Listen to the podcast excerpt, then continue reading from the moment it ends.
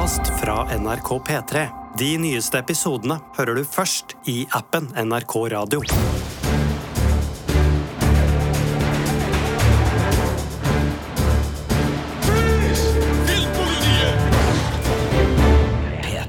Velkommen til Filmpolitiet med Sigurd Vik, Birger Vestmo og Ingvild Dybfest Dahl.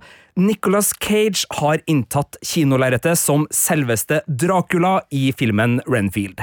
Og med det så forlenges en lang tradisjon av filmer og serier som tuller og tøyser med blodtørstige vampyrer. Fra fjollete sjangerparodier og artige skrekkfilmer til kule vampyrjegere og gullpalmenominert kunstfilm. Vampyrkomedien er en sjanger full av varierte høydepunkt, og i dag så skal vi hylle de gøyale blodsugerne.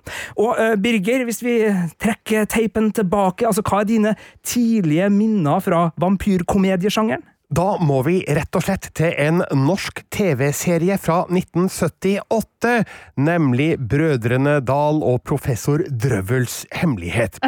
Nå vet ikke jeg hvor mange av dagens eh, P3-lyttere som eh, husker det her, eller en gang har sett serien, men vi snakker altså om en komiklassiker med Kirkvåg, Lystad og Mjøen kjent som KLM, som da gjennom flere episoder underholdt oss med en, en, en, engasjerende ferd langs overfloden, en mystisk elv et sted utafor Oslo, eh, der de på sin vei da i sin kano Elvegris eh, havna i en del merkverdige situasjoner. og i en av de episodene så ser vi da eh, Trond Kirkvåg i sin udødelige rolle som Brumund Dal.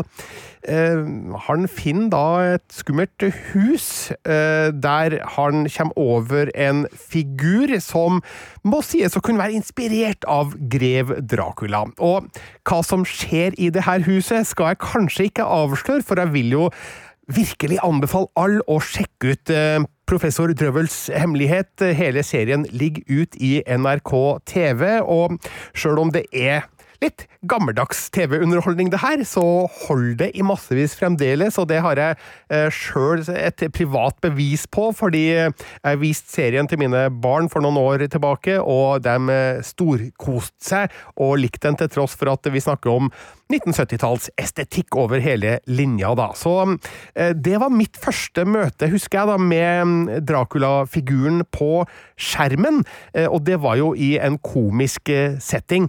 Noen år etterpå så um, gikk eh, KLM videre med det her i filmen Noe helt annet i 1985, som også hadde vampyrtendenser, kan vi si. Det er en film som nok har blitt glemt av tidas eh, tann. Eller, den har ikke tålt tidas tann, heter det kanskje. Den fins utgitt på DVD, men da må du betale ganske dyre dommer på finn.no. Den ligger også ut på YouTube i en ja, lekka versjon, kan vi vel kanskje si, da. Billedkvaliteten er bare så som så, så det er nok litt for spesielt interesserte, det her, da. Og jeg har ikke sett filmen siden 1980-tallet, så jeg, jeg vet ikke helt hvordan den eventuelt står seg i dag. Men eh, altså, den serien, den episoden av Drøvel, og den filmen noe helt annet, det var de første vampyrkomiblikka som jeg fikk, i hvert fall fra denne sjangeren. Oh, du setter standarden godt der, Birger, for denne vampyrkomediepraten. Ingvild, hva med deg? Hva er tidlige minner fra vampyrkomediesjangeren? Ja, jeg, jeg er i hvert fall helt blank på det som Birger nå ramsa opp. Men det var veldig gøy å høre. For jeg trodde jo jeg hadde forhold til Brødrene Dal, men her, her har jeg gått glipp av noe stort. Nei, altså jeg var jo, som dere vet, veldig pysete på skrekk da jeg var yngre, så jeg tror en del av det som lokka for meg, da, var at det, det gikk an også å se på monstre og vampyrer, men få lov til å le av det. Og for meg så var den anledningen eh, Buffy the Vampire Slayer. TV-serien som kom i 1997 med Sarah Michelle Geller som Buffy, skapt av Joss Whedon. Og der, eh, som tittelen tilsier, så spiller jo da Sarah Michelle Geller en vampyr-slayer. Det er ikke bare vampyrer hun eh, eh, jakter ned og dreper, det er en hel bråte med monstre som hun finner i den her byen eh, Summer Nå husker jeg glemt hva det heter. Summerside? Summer Heter i hvert fall noe ironisk, noe på sommer. Denne byen hun flytter til, og som viser seg å være oversvømt med demoner og vampyrer som hun må kvitte byen Eller kvitte byen for. Hun må renske opp, rett og slett. Jeg tror også en av grunnene til at jeg elska den, var jo obviously at det er en kvinnelig hovedrolle veldig aktiv kvinne, kvinnelig hovedrolleinnehaver her, som fikk lov til å skikkelig kicke ass. Det var ikke så mye du så av det på den tiden. Så for meg var det helt fantastisk. Og så skal det jo sies at her ler man jo mye sånn av vampyrer. Eh, mange av vampyrene i Buffy er jo ganske dumme, eh, rett og slett. Men eh, det er noen unntak, sånn som eh, Vi hadde jo Angel, som var en vampyr med sjel, spilt av David Bornes. Og så hadde du en veldig munnrapp og artig britisk vampyr, Spike, spilt av James Masters. Du hadde et litt sånn spekter både av type vampyrer og du kunne også le av Det var jo ikke bare vampyrene du lo av, du lo jo også av disse sidekickene til Buffy. Eh, hun hadde en mannlig og en kvinnelig venn som var eh, i vekslende grad smarte og ressurssterke, og, og gjorde at man kunne le av både litt slapstick innimellom og kose deg på samme tid med blodsprut og ja, dette litt sånn leke med det overnaturlige, da. Jeg elska Buffy sjøl. Syns det som var ekstra digg, var at du fikk high school-komedien også inni der, en sjanger vi er glad i her i Filmpolitiet. Og så var det jo ganske mye sånn vittige one-linere som kom i det Buffy banka vampyrer, som også selvfølgelig bidro til stor glede i, i sofaen. Eh, jeg må tilbake til Daffy Duck og vennene hans, tror jeg, for mitt første møte med vampyrkomedien. Det var en tegnefilm jeg hadde på VHS som var en uh, spoof på Ghostbusters. Jeg tror den het Quackbusters, uh, hvor Daffy uh, arver noe penger, men spøkelset han har arva dem av, tror jeg legger noen føringer, så han reiser til Transilvania. fritt etter hukommelsen, det her. og jeg husker spesielt en veldig artig sekvens hvor Dracula prøver å ta livet av Daffy, tror jeg det, men da sier Dracula hokus pokus for å bli til vampyr, og så sier Daffy eller Snurre Sprett, husker ikke helt her, abrakadabra, og så vender han tilbake igjen. Så han rekker liksom aldri å, å suge det blodet, fordi uh, abrakadabra, hokus pokus-duellen uh, blir for meget. Jeg husker også uh, Dracula-filmen til Mel Brooks, hvor Leslie Nilsen, som jeg elska fra Mannen med nakne pistol-filmene og Police Squad-serien Dracula Dead and Loving It fra 1995, som jeg har sett igjen. Den er ikke spesielt god, men jeg husker jeg lo veldig av den da, fordi den hadde all eh, den der rekvisitt-slapsticken som du forventer fra en Mel Brooks-film. Uh, han hadde jo blant annet laga Young Frankenstein noen ja, tiår tidligere, men han kunne jo det her, og du verden, jeg flirer fremdeles av en del av de vitsene, spesielt når vampyrer flyter gjennom rommet, og alle sammen er sånn her spooky og skummel, og så er det noen som sier sånn 'Hvorfor gjør du det der?' Og så bare, og så bare går de helt vanlig Ja, jeg er en enkel sjel, jeg liker det her. Men grunnen til at vi snakker om vampyrkomediene nå, er jo fordi det har kommet en ny kinofilm som er både en Dracula-film og en vampyrkomedie. Renfield, eh, Birger, du har sett den, du har anmeldt den. Hvilken film er det her? Ja, det er jo da en skrekkomedie som tar utgangspunkt i forfatter Bram Stokers klassiske roman fra 1897, Dracula. Eh, det er jo en eh, bok som eh, har resultert i en hel rekke filmatiseringer. Det er så mange av dem at vi kan jo ikke gå gjennom hele lista, men blant de mest kjente er jo da FW Murnaus stumfilm Nosferatu, Ein Symfoni des Grauens fra 1921, med Max Schreck. For et navn! Max et navn! Schreck i hovedrollen, da, som eh, Nosferatu, eller Dracula, da, som de eh, ikke fikk lov til å bruke, så det ble Nosferatu i stedet. Max Schreck er for øvrig også eh, navnet på rollefiguren Christopher Walken spiller i Batman Returns, og det er jo da selvfølgelig eh, en homasj da, til Max Schreck fra Nosferatu-filmen. Um, I 1931 kom det en lydfilm i regi av Todd Browning, eh, der Bella Lugosi, legendarisk skuespiller på den tida, eh, spilt av grev Dracula. Det kom også en versjon med Christopher Lee i hovedrollen i 1958. Da snakker vi Hammer Films fra Storbritannia. Uh, og så har jeg jo et bankende hjerte for Gary Oldmans versjon da i Francis Ford Coppolas film Bram Stokers Dracula som kom i 1992. Sjøl om jeg fremdeles syns at Keanu Reeves er feilkasta som Jonathan Harker, og vi kan vel også si at um, uh, hun som spiller Mina Harker i filmen Var ikke det Winona Ryder? Takk skal du ha, det sto litt stilt for meg. Jernteppe. Winona Ryder muligens også kanskje er feilkasta, men det var to gode navn da å ha med seg inn i filmen, som jeg så på nytt igjen for noen få måneder tilbake, og den har holdt seg, den altså. Så det er arven, da, som Renfield er en del av. Men eh, mens de filmene vi nå har snakka om, er seriøse Dracula-filmatiseringer, så er Renfield alt annet enn det.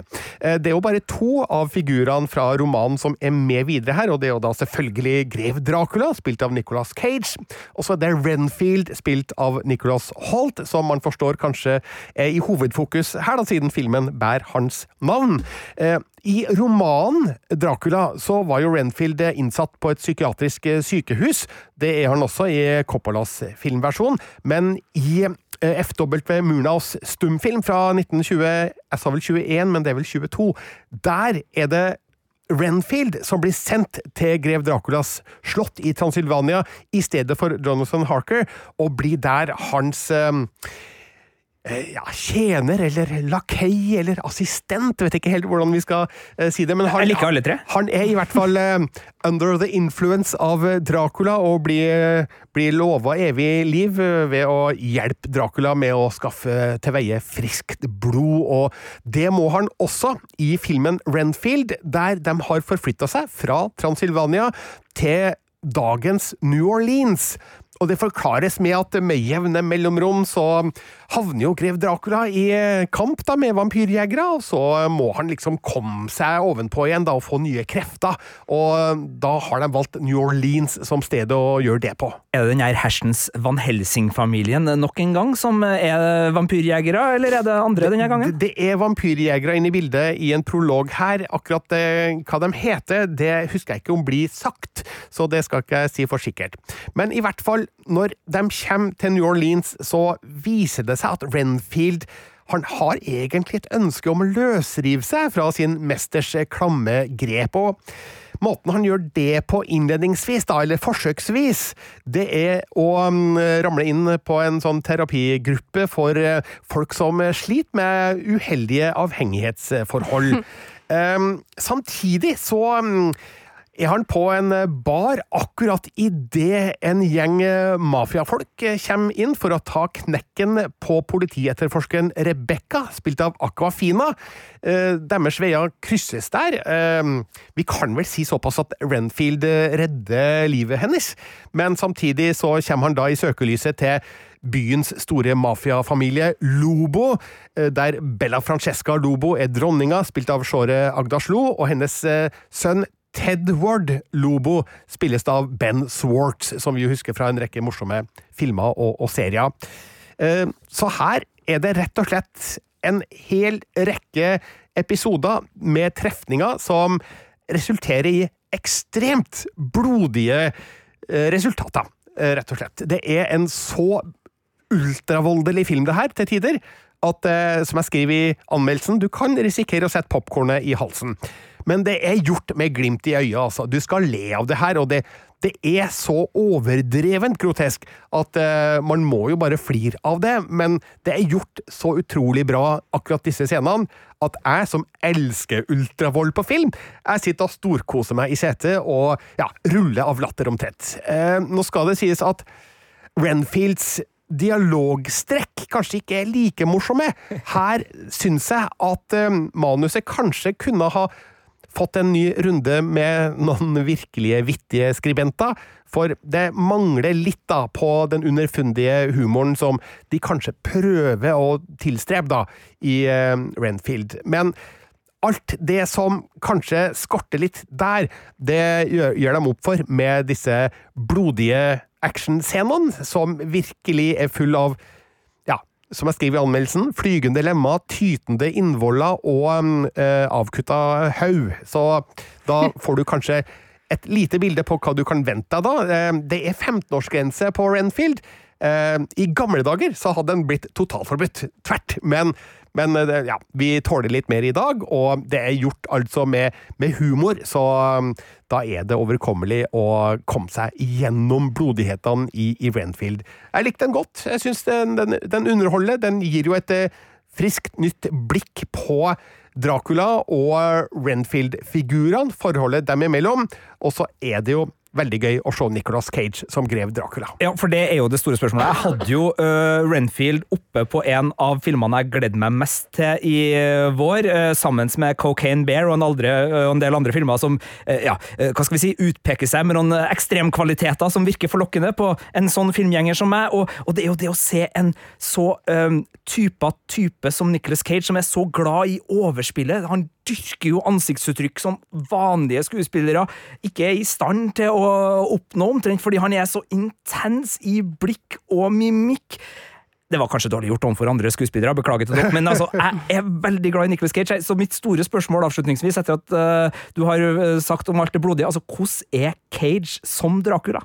Han er god som Dracula. Altså, her ser du glimt av eh, Bela Lugosi, eh, kanalisert gjennom eh, Nicolas Cage, for det er noen morsomme scener i starten som sånn estetisk prøver å strekke hånden over til Todd Brownings 1931-film og du ser delvis denne galskapen som Nicolas Cage har blitt kjent for på film, men jeg skulle ønske at det var mer av det, for eh, flere ganger i løpet av filmen så tenker jeg at eh, Uh, virker som Nicolas Cage eh, heller litt tilbake her. Eh, burde han egentlig det? Burde han ikke bare cage 100% i denne rollen? Det er tross alt en skrekkomedie, det her. Så jeg er litt usikker på om det her er et bevisst valg av Nicolas Cage, eller om regissør Chris Mackay har tenkt at det er så mye galskap ellers i filmen at uh, Nicolas Cage må holdes litt uh, igjen uh, for at det ikke skal renne helt over. Må aldri Men, holde igjen Cage, det er det dummeste du gjør. det er mitt kanskje største ankepunkt, da. det er at Cage får ikke lov til å være fullstendig Cage, sånn som jeg kanskje hadde innbilt meg at han skulle være da i rollen som grev Dracula. Men bevares, det er noen scener her der han virkelig får lov til å Uh, ja, bruk alt han har av rekkevidde, uh, men uh, for, etter min smak så kunne han godt ha overdrevet Dracula-karikaturen sin enda mer enn han gjør her. Nå skal det også sies at Nicolas Cage har han har vel egentlig en birolle her. Altså, han er ganske mye med, men det er Nicholas Holtz film. Eh, det er han som spiller Renfield, som filmen da tross alt heter. Og han er festlig, morsom eh, i sin rolle. Eh, og han har også en del fysiske utfordringer i form av kampsport estetikk, da, som eh, kanskje Keanu Reeves og John Wick eh, kunne ha vært bekjent av også. Så um, han har eh, mange strenger å spille på her, flere enn det Nicolas Cage har. Men Cage han er morsom eh, jevnt over. Eh, kun bare ha ja, strukket eh, hoggtennene enda litt lenger ut og inn. Jeg hadde bare et spørsmål, fordi eh, for, Jeg har jo ikke sett denne filmen, men jeg mener du har lest at Nicholas Cage har jo spilt vampyr før. I hvert fall en som tror han er vampyr, i Vampires Kiss i 1988. Har du sett dem, Birger? Nei, det har jeg ikke gjort. Men Hva med deg, Sigurd? Jeg, jeg, kjenner en som har det.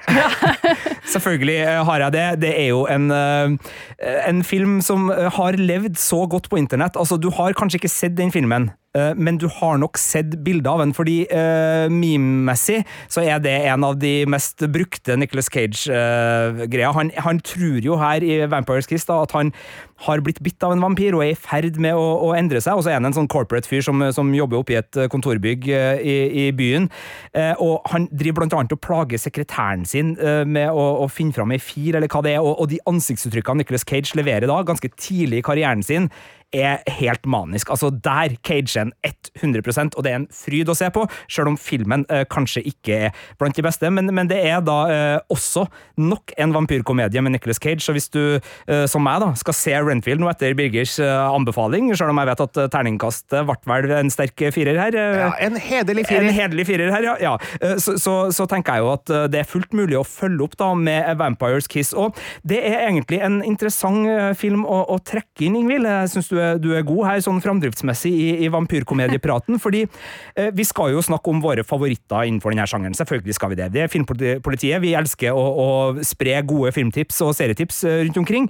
Men før vi går dit, sånn for å få inn et par høydepunkt som ikke nødvendigvis er fra de aller beste filmene, men som likevel Og, og de kan være det også, altså. Men jeg, har laga ei lita sånn minikåring her eh, på noen høydepunkt fra vampyrkomediesjangeren som eh, jeg skal dele med dere, og dere har selvfølgelig muligheten til å, å, å være uenige og, og gripe inn, eventuelt eh, fylle ut. Og så får vi da også håpe at uh, dere som hører på, kanskje kan få noen, om ikke helaftens spillefilmtips, i hvert fall noen uh, YouTube-øyeblikk det går an å, å, søke opp. Og da starter vi, artig nok, med Vampires Kiss, som kom i 1988. Du har helt rett, hvor Nicholas Cage igjen spiller en vampyr, eller i hvert fall en fyr som tror han er uh, vampyr. Og den vinner prisen innenfor eh, vampyrkomediesjangeren, må vite, eh, for beste norske oversettelse. Fordi da den kom på video i Norge, hva het den da, Birger? Den het noe så prosaisk som eh, Hvem tenner hvem? Ja, og tenner står da i hermetegn og utformer et smil på VHS-omslaget. Ja, Så både tenner og tenner? Ja, helt riktig. Dobbeltbetydningen er tidlig ah. godt eksempel på norsk filmoversettelse. Vampires Kiss. Hvem tenner hvem? Så den er, er noen innsigelser, noen andre vampyrkomedieoversettelser dere har lyst til å kaste inn i miksen her, eller skal vi gi prisen til Vampires Kiss? Nei, jeg tror at den går rett og slett dit. Den går dit. Så har vi kommet til neste kategori. Eh, det er bare fire, altså slapp av. Eh, beste rekvisittvits, for god slapstick-humor krever jo god rekvisittbruk, og her vil jeg at Leslie Nilsen i Mel Brooks sin Dracula Dead and Loving It fra 1995, som jeg tror het Død og Nei, jeg husker ikke hva den heter på norsk. Stryk det. Eh, den er i hvert fall god på følgende scene. Dracula ligger i kista si. Dracula skal reise seg. Dracula har ei lysekrone. Smekk! Rett i fleisen på Dracula. Det er helt nydelig, og det beste med den scenen er at uh, Dracula, da, etter å ha skalla hoder i lysekrona, etter å ha stått opp uh, for, for nattlige aktiviteter, sier 'fader, jeg må flytte kista mi' eller lysekrona. Eh, jeg elsker sånne teite, teite slapstick-scener, så jeg vil si at beste rekvisittvits eh, går da til Mel Brooks og Dracula Dead and Loving It fra 1995. Kan jeg bare bryte inn her og si at eh, den het da på norsk Dracula er død, og trives med det. Nei! Nei! Tusen takk, Birger. Uh, altså, og jeg vil ikke gå tilbake og endre dommen over beste norske oversettelse, for jeg syns Hvem tenner hvem fremdeles er hakket hvassere. Ja. ja. den er finere. Ja, ja, men to gode på norsk oversettelse her. Uh, mest fjollete vampyrdød, uh, der er det jo en del å ta av, men der vil jeg gå til ikke Buffy TV-serien, men Buffy-filmen, som kom i 1992, og som da var forløperen til TV-serien om Buffy. Den het vel Buffy vampyrmorderen på, på norsk, og der er det en dødsscene hvor Paul Rubens, som spiller eh, eh, vampyren Emilyn bruker veldig lang tid på å dø. Han bruker så lang tid på å dø at han dukker opp igjen i rulleteksten for å fortsette uh, å dø. Og her er det bare den enkle vitsen om at du har fått en stake i brystet, og du sier mens du ruller rundt i ei trapp og ned mot Og du sparker litt i bakken. Og det varer og rekker. Og jeg flirer jo, eh, og jeg flirer jo, eh, men det er først når det fortsetter på rulleteksten, etter at det har skjedd ganske mye dramatisk i mellomtida, at jeg virkelig uh, flirer. Så tusen takk til Paul Rubens for en uh, fjollete vampyrdød der. Og så må vi jo ha med beste saksofonsolo. Selvfølgelig må vi det. Det er en uh, vampyrkomedie fra 1987 som heter The Lost Boys. Den er en fantastisk film. Den har en fantastisk strandscenefest, hvor den muskuløse saksofonspilleren Tim Capello, som også da var kjent som saksofonspilleren til blant annet Tina Turner og, og flere, han eh, synger og framfører og spiller saksofon til ei låt der i uh, bar overkropp, uh, velsmurt og alt, som overgår Og det her er en litt smal referanse kanskje å ta i 2023, men den overgår egentlig alt med Madmax 3 Beyond Thunderdome i visuell estetikk. Altså, det er bare et estetisk, en estetisk oppsummering av 80-tallet. En saksklimaks? Et saksklimaks. Tusen takk, Ingvild. Det er et saksklimaks, eh, og dermed så er det også da eh, beste saksofonsolo. Jeg tror ikke det er så mange nominerte i den kategorien. Nei, Jeg kan ikke huske veldig mange vampyrfilmer med store saksofonsolopartier. Nei, eh, det er kanskje et tips til dere som sitter og hører på, og som har en vampyrkomedie i magen. Saksofonsolo kan dere ta. Det var den lille minikåringa før vi da skal gå i gang med favorittene. Og for å, å gjøre det her rettferdig, altså den som starta først med å se vampyrkomedia, skal få start med å trekke fram sin favoritt. Birger Vestmo, hva er din vampyrkomediefavoritt? Vi skal til filmen Fright Night, eller Fryktens natt, som den da ble oversatt til på norsk i 1985. Jeg er faktisk litt usikker på om den gikk på kino den gangen, jeg kan ikke huske å ha sett den da. Jeg plukka den opp på VHS eh, på et senere tidspunkt, i hvert fall. Men det er en film jeg har sett mange ganger, og som fremdeles holder seg veldig godt, både når det gjelder humoren, og også når det gjelder effektene, sjøl om eh, du kan nok kanskje ane at filmen er et produkt av sin eh, tid, for her er det praktiske effekter som er i bildet. Det var jo lite CGI den gangen, og noen syns jo at det er veldig behagelig. Jeg er jo en av de som eh, ja, har et nostalgisk forhold til de eh, filmene som brukte gode, gamle practical effects da, til å oppnå de ønskede resultatene. Eh, og det her er jo da en uh, det, er ikke en sånn crazy komedie, sånn som Dracula Dead and Loving It kanskje var, men det er en film som er en hyllest til de gamle, dårlige vampyrfilmene som regissør Tom Holland så på 1950- og 60-tallet. Og når jeg sier Tom Holland, så er det da altså ikke Spiderman-skuespilleren, men regissøren Tom Holland, som eh, heter da det samme, åpenbart. Eh, og som i tillegg til Fright Night er kjent for de to første Child's Play-filmene med denne Chucky-dukka, som vi har sett eh, flere forskjellige utgaver av. Men i Fright Night så møter vi da 17 år gamle Charlie Brewster, som blir overbevist om at uh, hans nye nabo, spilt av Chris Sarandon, er en vampyr. Og når han forteller mora si og kjæresten sin og alle rundt seg om det her, så det er ingen som tror på han.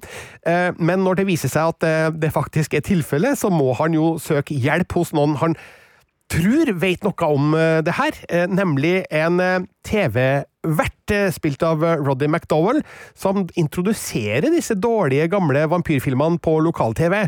Eh, og når han tar kontakt, så viser det seg jo at eh, denne eh, TV-presentatøren har jo ikke den ringeste peiling på å drepe vampyrer, men blir allikevel med på ferden. og det her er altså en film som har så mange morsomme situasjoner, og ikke minst fargerike personkarakteristikker, og den har en lystig, gjennomgående tone som gjør at sjøl når det blir skikkelig blodig og ekkelt, så um, er det likevel underholdende på en sånn Goonies-aktig måte, hvis den referansen uh, sier dere noe? Jeg er helt med på den Goonies-referansen, for det er den der um uh, ungdomsgjeng-vibben uh, i møte med det der store overmakten. Altså, den vampyren som bor i nabohuset, er jo mye mektigere. Altså, det er jo rått parti, for å si det med uh, gamle Arnold Schwarzenegger-filmoversettelser. Nei, det beklager jeg. Det ble mye. Men altså, de, de, er så underdog da, i denne historien, og det fører jo til at du får den der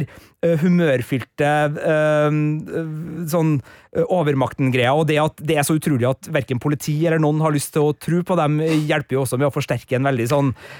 ah, fytti rockeren, hva skal de gjøre-følelse, som selvfølgelig er fjollete, men som og det er jo det som gode skrekkomedier skal gjøre. De skal fungere på begge plan, og, og det gjør Fright Night på den måten at den er også spennende, uh, sjøl om den er fjollete. Ja, det er helt korrekt. Eh, og den underholder fra start til slutt. Den eh, har altså da eh, praktiske effekter av høy kvalitet. Eh, som jeg var inne på, så er det altså da ikke CGI inne i bildet her, men det er makeup, og det er stop motion, og det er dukka som eh, Industrial Light and Magic opererer, og det er virkelig da god, gammeldags 80-tallsunderholdning for de som elsker det. Og jeg føler jo at Fright Night burde hatt en høyere stjerne enn den har, eh, men den er i hvert fall lett å få tak i. Du kan eh, leie eller kjøpe den hos Apple og Blockbuster. Så finnes den også tilgjengelig både på 4K UHD Blu-ray og vanlig Blu-ray for den som har lyst til å se Fright Night i fysisk, eh, i fysisk format.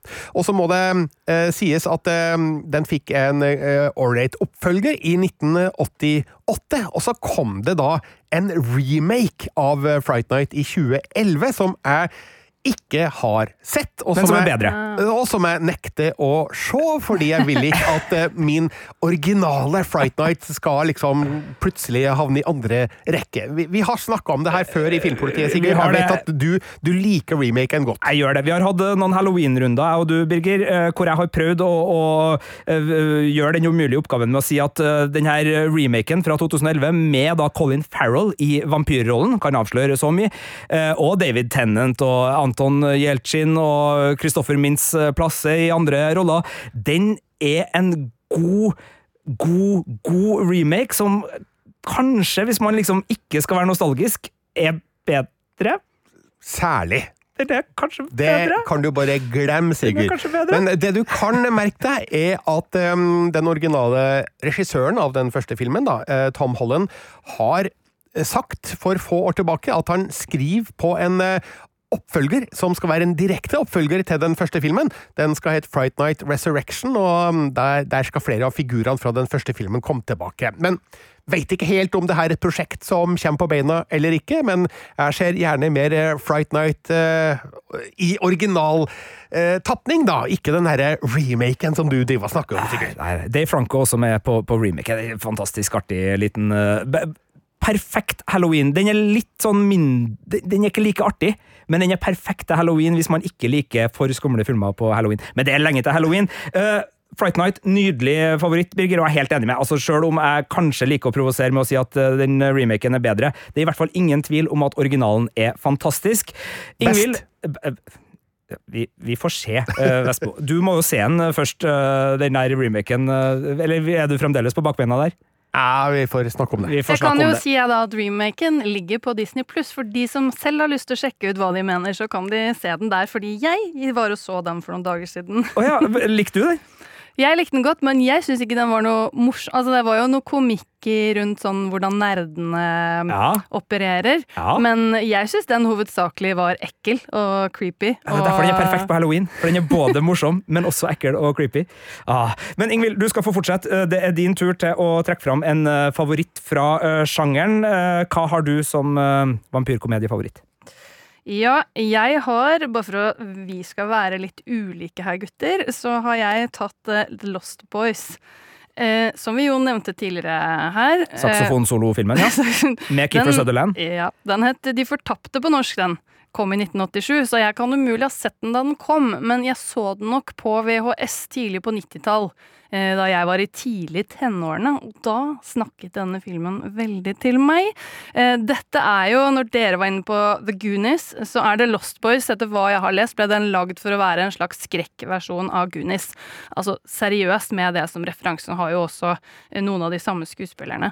Men dette er jo også noe så sjelden som en skrekkfilm som muligens ble skrevet med hovedsakelig unge jenter i, i liksom, tankene, i hodet. Fordi her her Jeg husker at jeg likte den hovedsakelig, for det var så mange kjekke gutter i den. og den har jo denne 80-tallsestetikken. Handler om to brødre, Michael og Sam, spilt av Jason Patrick og Corey Haim. Og de flytter til den fiktive byen Santa Carla med moren sin, spilt av Diane West. Der får de jo ganske sånn eh, raskt høre at Santa Carla er den byen med flest drap i verden. Eh, noe de syns er litt sånn illevarslende, da, men også litt sånn kult. Det er noen bad elements i byen. Og så ser vi sånn scener av eh, folk som blir angrepet ovenfra, uten at vi egentlig ser Det er ikke sånn grafisk eh, vold i starten. Det tar veldig lang tid før vi liksom skjønner hva som egentlig er det dårlige elementet i byen. Uh, og så møter Sam, da, spilt av Corey Haim, noen som felles tegneserienerder som advarer ham mot vampyrer. De er spilt av Corey Feldman og Jameson Newlander, The Frog Brothers. Uh, her har vi kilden til mye av filmens komikk. Og Michael på sin side, han er jo den litt eldre broren. Han møter en motorsykkelgjeng ledet av Keefer Sutherlands David, som du var inne på, eh, og presser ham og spør liksom hvor, hvor langt er du villig til å gå. Og det er noe med alle kontrastene her, ikke sant. Sånn som eh, Birger var inne på tidligere med New Orleans. Ofte blir jo den type filmen satt til eh, steder med veldig sånn overflod av eh, forlystelse, som, eh, som her er det rett ved det er masse fornøyelsesparker ved, ved Det er en kystby, vakker havneby, men det er brutale drap, det er skrekk. Og det som jeg liker så godt, og som jeg tror gjorde at en av tingene, da, en av grunnene til at Lost Boys ble så populært, er at uh, her er det liksom ikke gamle menn i europeiske slott som er vampyrer. Det er en gjeng litt sånn fortapte barn og unge. Og opprinnelig, det er jo Nå er vi inne på den Gunis-tråden igjen. Opprinnelig skulle vel denne filmen, eller var skrevet litt mer sånn Peter Pan-aktig. Du vet det derre man blir aldri voksen, uh, du skal bare klare deg alene.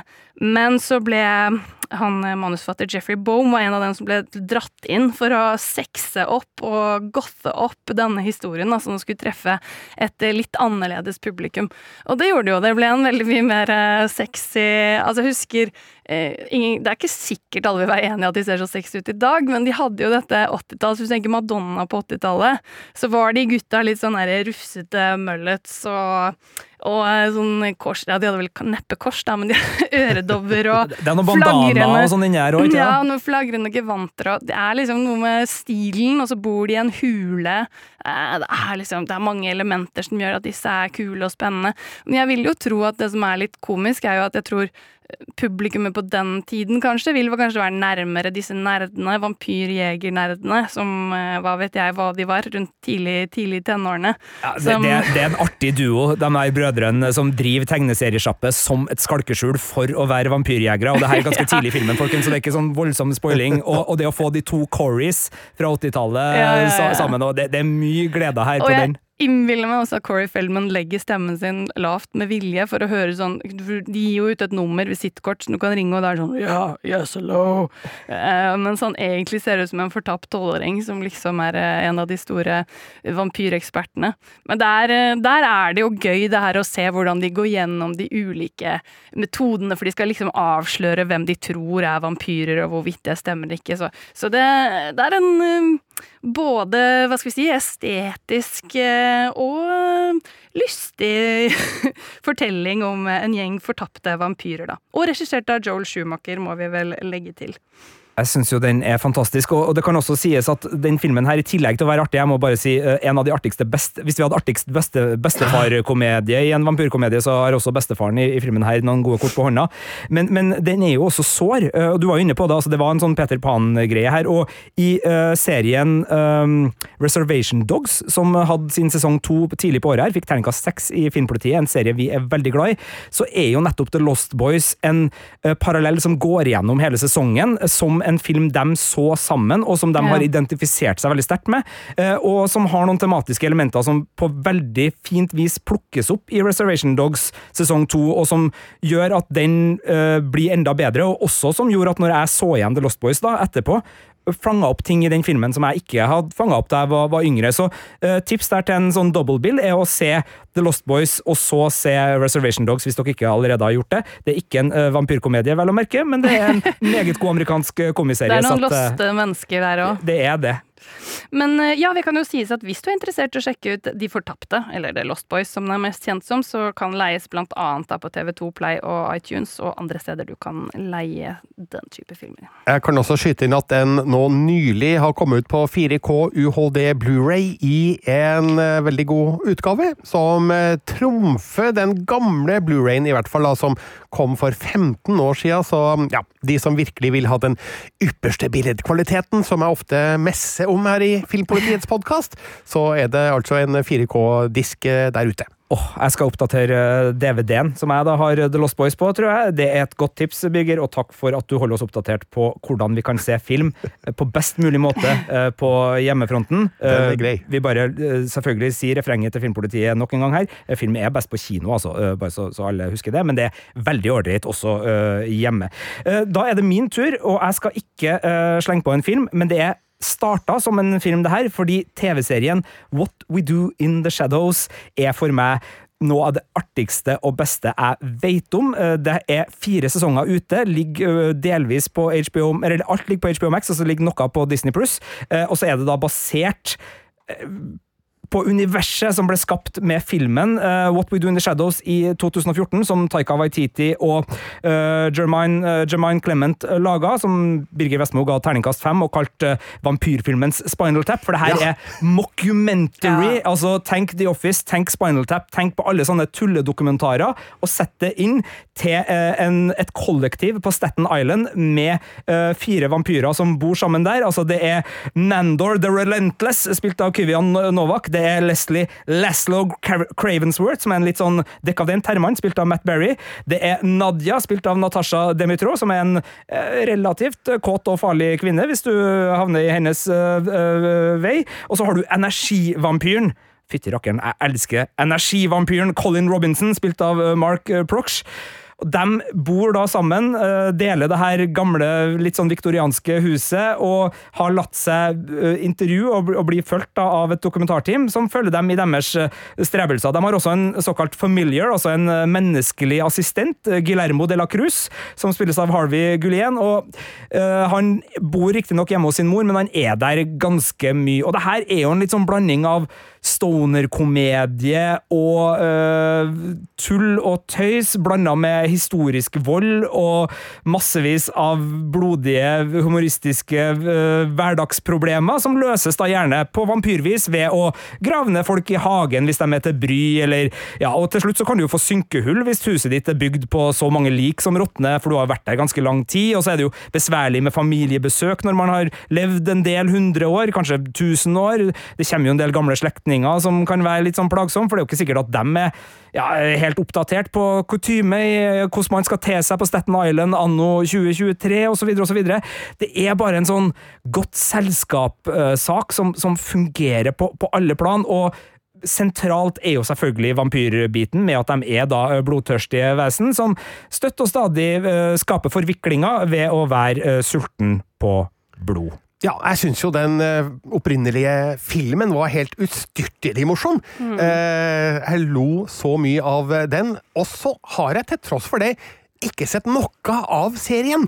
Og det er ikke noen spesiell grunn til det, annet enn at eh, ja, det er så mange serier. Eh, men eh, har jeg gått glipp av noe som er like morsomt, eller eh, hvordan vil du rangere serien mot filmen? Jeg vil si at serien har tatt vare på alt som var bra med filmen, og gjort det bedre. Men det fordrer jo at du trives i det selskapet, for det er klart, eh, du får mer. Det kan av og til være for mye. altså Av og til så syns man filmen er helt perfekt. Man, man trenger ikke liksom å, å dykke ned i det universet. Og det skal jo sies, filmen foregår jo i Wellington, eh, New Zealand er det vel, eh, mens det her er jo samme universet, men vi er da i USA, så det er jo en annen eh, hva skal man si, bakgrunnsstemning og en annen kulturell setting. Du har jo også serien Wellington Paranormal, som tilhører det samme utvida universet, eh, som, som er, handler om politiet i Wellington og, og deres møte med det overnaturlige. Men det her er en litt annen greie, og så har de jo vokst seg større og større. Altså, den var Emmy-nominert, den serien her, for beste komiserie nå, nå sist. De har hatt noen episoder hvor de rett og slett har gjort det kunststykket å få tak i omtrent alt som er av vampyrrelaterte kjendiser. Altså, tenk eh, Wesley Snipes i rollen som Blade. Tenk Tilda Swanson i, eh, fra Jim Jarmers sin Only Lovers Left Alive. Altså, de har fått med en del gjesteskuespillere som gjør at det her er et sånt metafjasete vampyrunivers som virkelig begeistrer alle som har en fot for skrekksjangeren. og da snakker jeg både vampyrfilmer av den litt mer seriøse sorten, og selvfølgelig da skrekkomedien. Jim Jarmers er vel sjøl med i en episode. altså De har mye gode gjesteroller her, og så er det en sånn kul og sløy tone på det hele. altså Det, det er ikke en en serie som maser. Den, den, bare, liksom, den bare har så sjølsikkerhet når det gjelder timing, avlevering og fjas at det bare liksom kommer veldig sånn naturlig. Den er litt snarlik en serie som It's Always Sunny in Philadelphia, for dem som liker den type kome, med at det er en sånn situasjonskomedie med en vennegjeng som gjør mye forferdelige ting, men som at du likevel på en måte heier på dem i alle sine uh, forferdelige ablegøyer. Altså, her snakker man om å manipulere kvinnfolk ved vampyrhypnose til å bli forelska og være slaven din. Uh, det er jo relativt mørke greier, egentlig, men uh, løses med, med, en viss type humor, som også selvfølgelig da avslører hvor spein spikka tullete, gæli og forferdelig det er, det dere vampyrene holder på med når de i sin egoisme, sin utømmelige egoisme uh, holdt på med, med, sitt. Så What We Do In The Shadows uh, det er bare virkelig en kulminering av veldig mye av det vampyrkomediesjangeren har gjort riktig opp igjennom. Fra da uh, kunstfilmeksempelet med Only Lovers Left Alive, som jeg vil si Jim Jarmers laga i, i 2013, var det vel, og som er Whitney and I i vampyrkomedievariant, en helt nydelig sak, til uh, Tate Splatter à la Fright Night og andre ting med uh, praktiske effekter og dårlige uh, Nå beklager jeg ikke dårlige som i at de er dårlig laga, men med vilje dårlig laga 80-tallsvampyrmonster som plutselig dukker opp og er onkel fra en eller annen rar slektning, og som må bo i et klesskap eller en kjeller en eller annen plass. Og det her huset blir jo også en kulisse som bare lever og lever. Stadig en vegg som kan rives, stadig et nytt okkult, hemmelig ritual som kan framføres i en eller annen avkrok her, for det har jo stått der så lenge. Dere skjønner det. Jeg elsker det. What We Do In The Shadows, HBO Max, der ligger alle. Og det ligger også noen sesonger på Disney Pluss.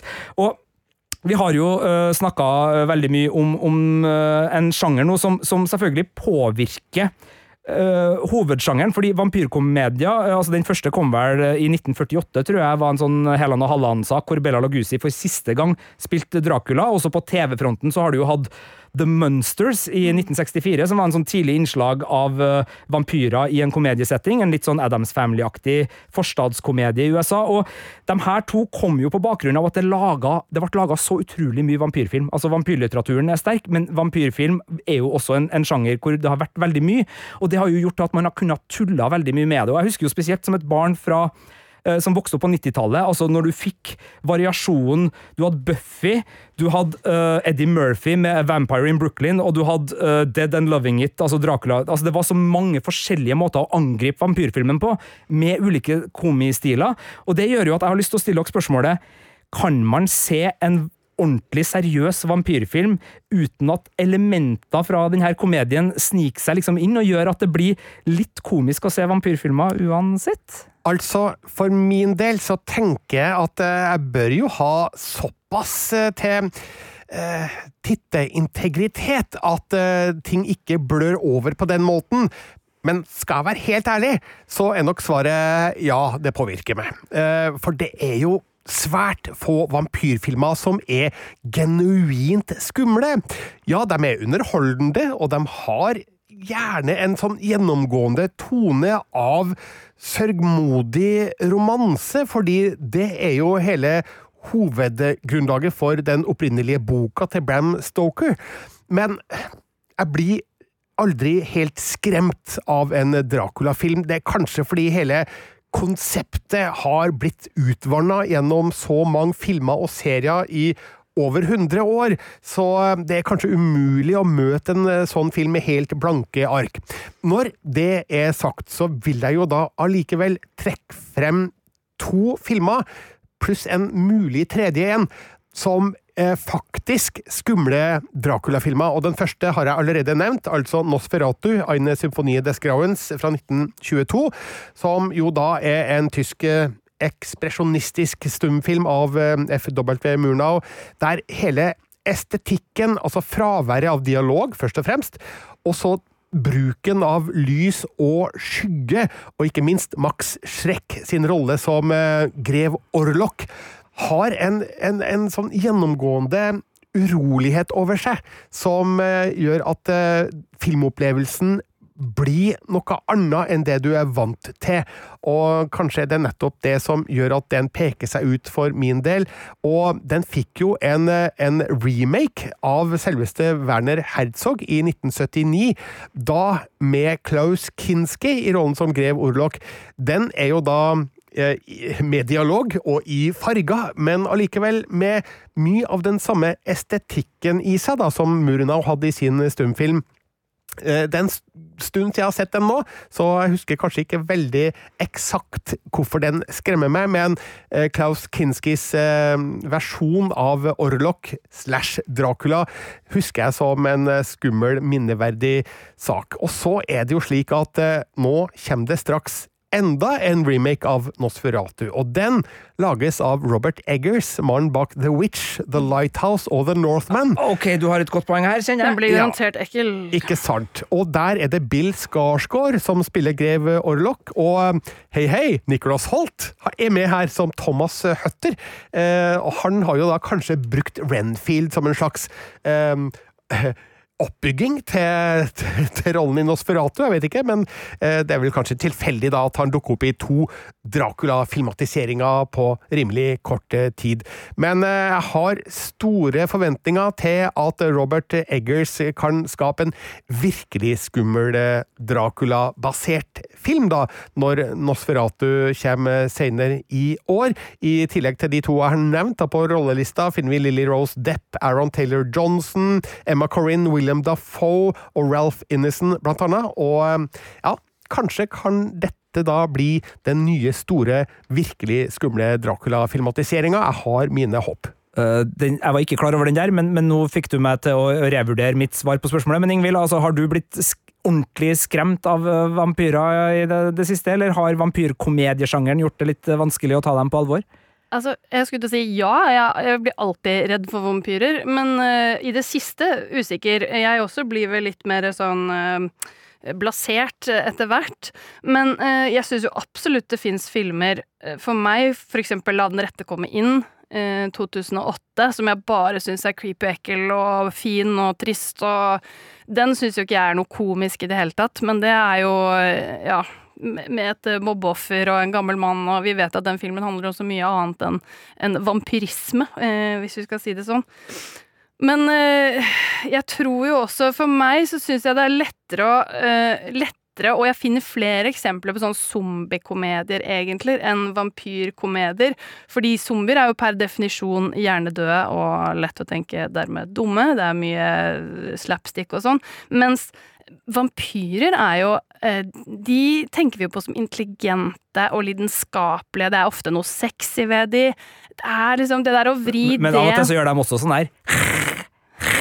Ja, spesielt i What We Do In The Shadows. Ja, det, det, er, mye væsing, det er veldig mye væsing og flyr, eh, flyr, Det er sånn katter, nesten. Eller bats. Ja.